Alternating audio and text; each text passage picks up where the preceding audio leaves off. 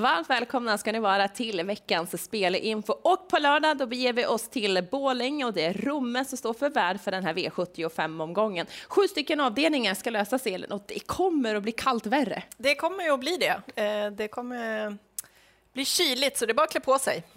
Men det här påverkar inte hästarna så mycket? Nej, det gör det inte. Det är värre för kuskarna och de aktiva.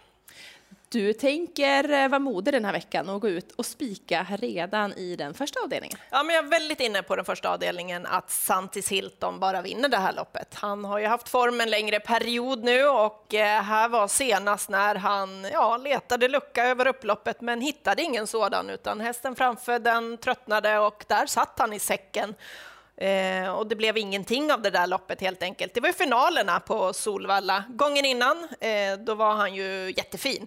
Då var han med i lite körning och eh, fick en ganska tung resa till att börja med, men blev avlöst och sen så sätter han in attacken över upploppet här på Bollnäs och vinner ju väldigt bekvämt och enkelt. Han är som sagt var riktigt fin den här hästen, kvar i samma klass och har ett bra läge bakom bilen. Mats Djuse kan jag tänka mig gasar ifrån början för han är startsnabb hitta till ledning tror jag och därifrån så blir det svårt att slå honom på, på Rommetravet. Och överlag så är det svårt att slå hästarna från Stefan Melander just nu. De har eh, läskigt bra form, ja.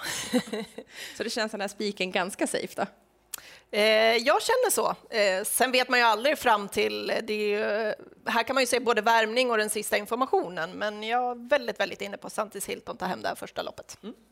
Eh, vi går vidare och då tar vi oss till den andra avdelningen. Och nu är det här de tidiga tankarna, det är tidiga streck och då ser det i alla fall ut som att det skulle kunna vara en, en skräll. Sen får vi se vad som händer på lördag. Precis, det är ett lärlingslopp det här och jag gillar verkligen sju Mr Birkenstock som håller den här jämna, bra formen och den här årstiden som är nu när det är kallt och de måste tävla med skor, det passar honom alldeles, alldeles utmärkt. Han har gjort rejäla lopp på slutet. Senast uppe på isbana på Umeå, då gjorde han allt jobb utvändigt fullständigt om ledaren och håller farten hela vägen och blir ju tvåa där bakom eh, Boke Palema som vann ifrån ledningen. Alltså han är bra. Han har ju spår lite långt ut bakom vingen här, men han är ingen startraket. Det gäller att hitta ner någonstans. Man tål som sagt var att göra väldigt mycket jobb och det är en stor fördel när det är vinter för hans del. Så jag tror jättemycket på Lisa Gilliam och Mr Birkenstock och hennes pappa då som tränar. Ja, och en kusk som verkligen känner den här hästen också. Så är det. Mm, så det är ingen ny bekantskap.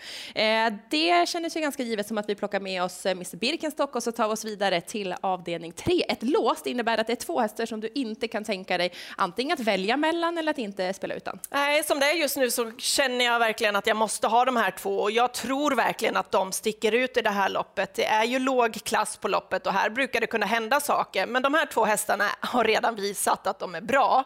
De är stora och rejäla båda två, eh, är under kraftig utveckling, men de har otroligt bra styrka och, for, och, och fart i sig båda två.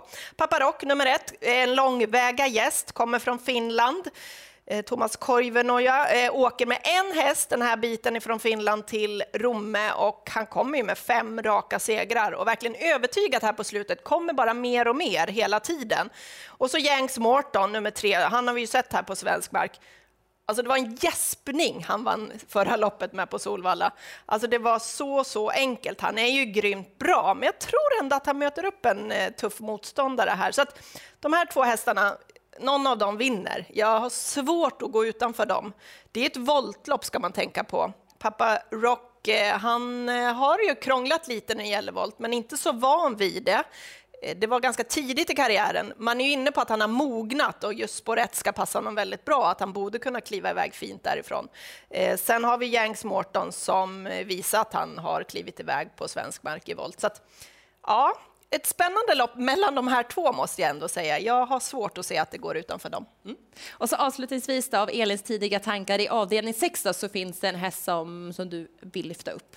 Jag har jagat henne. Eh, Urdin Celeber nummer två. Rapporterna är väldigt goda ifrån stallet. Hon fortsätter hålla den här härliga fina formen, men hon har inte haft det där flytet med sig i loppen.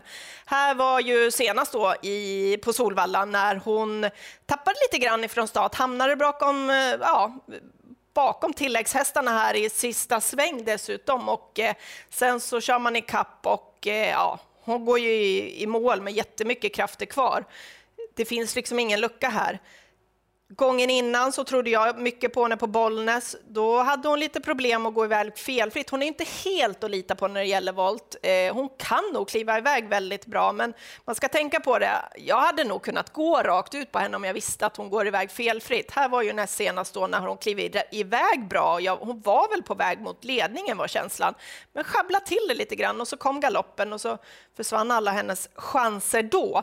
Hon möter ju likvärdigt motstånd, så kliver hon bara iväg den här här gången från spår 2 i volten och ta sig till ledning. Ja, det är inte säkert de når henne. Jag tror som sagt var mycket på henne. Toppen, då har vi lite koll där på Edins tidiga tankar. Vi kan ta och titta på en sammanfattning också. För i den första avdelningen där spikar vi då Santis Hilton ifrån formstallet, eh, Stefan Melander. Och så skönt att du behöver inte välja mellan två mycket bra hästar i avdelning tre, utan du körde ett lås. Jag eh, tar båda. Ja. Och så din Celeber, du kan inte svika henne än. Och så Mr Birkenstock då. Känns som att han har väldigt fin form och passande, passande lopp för hans del tycker ja. jag.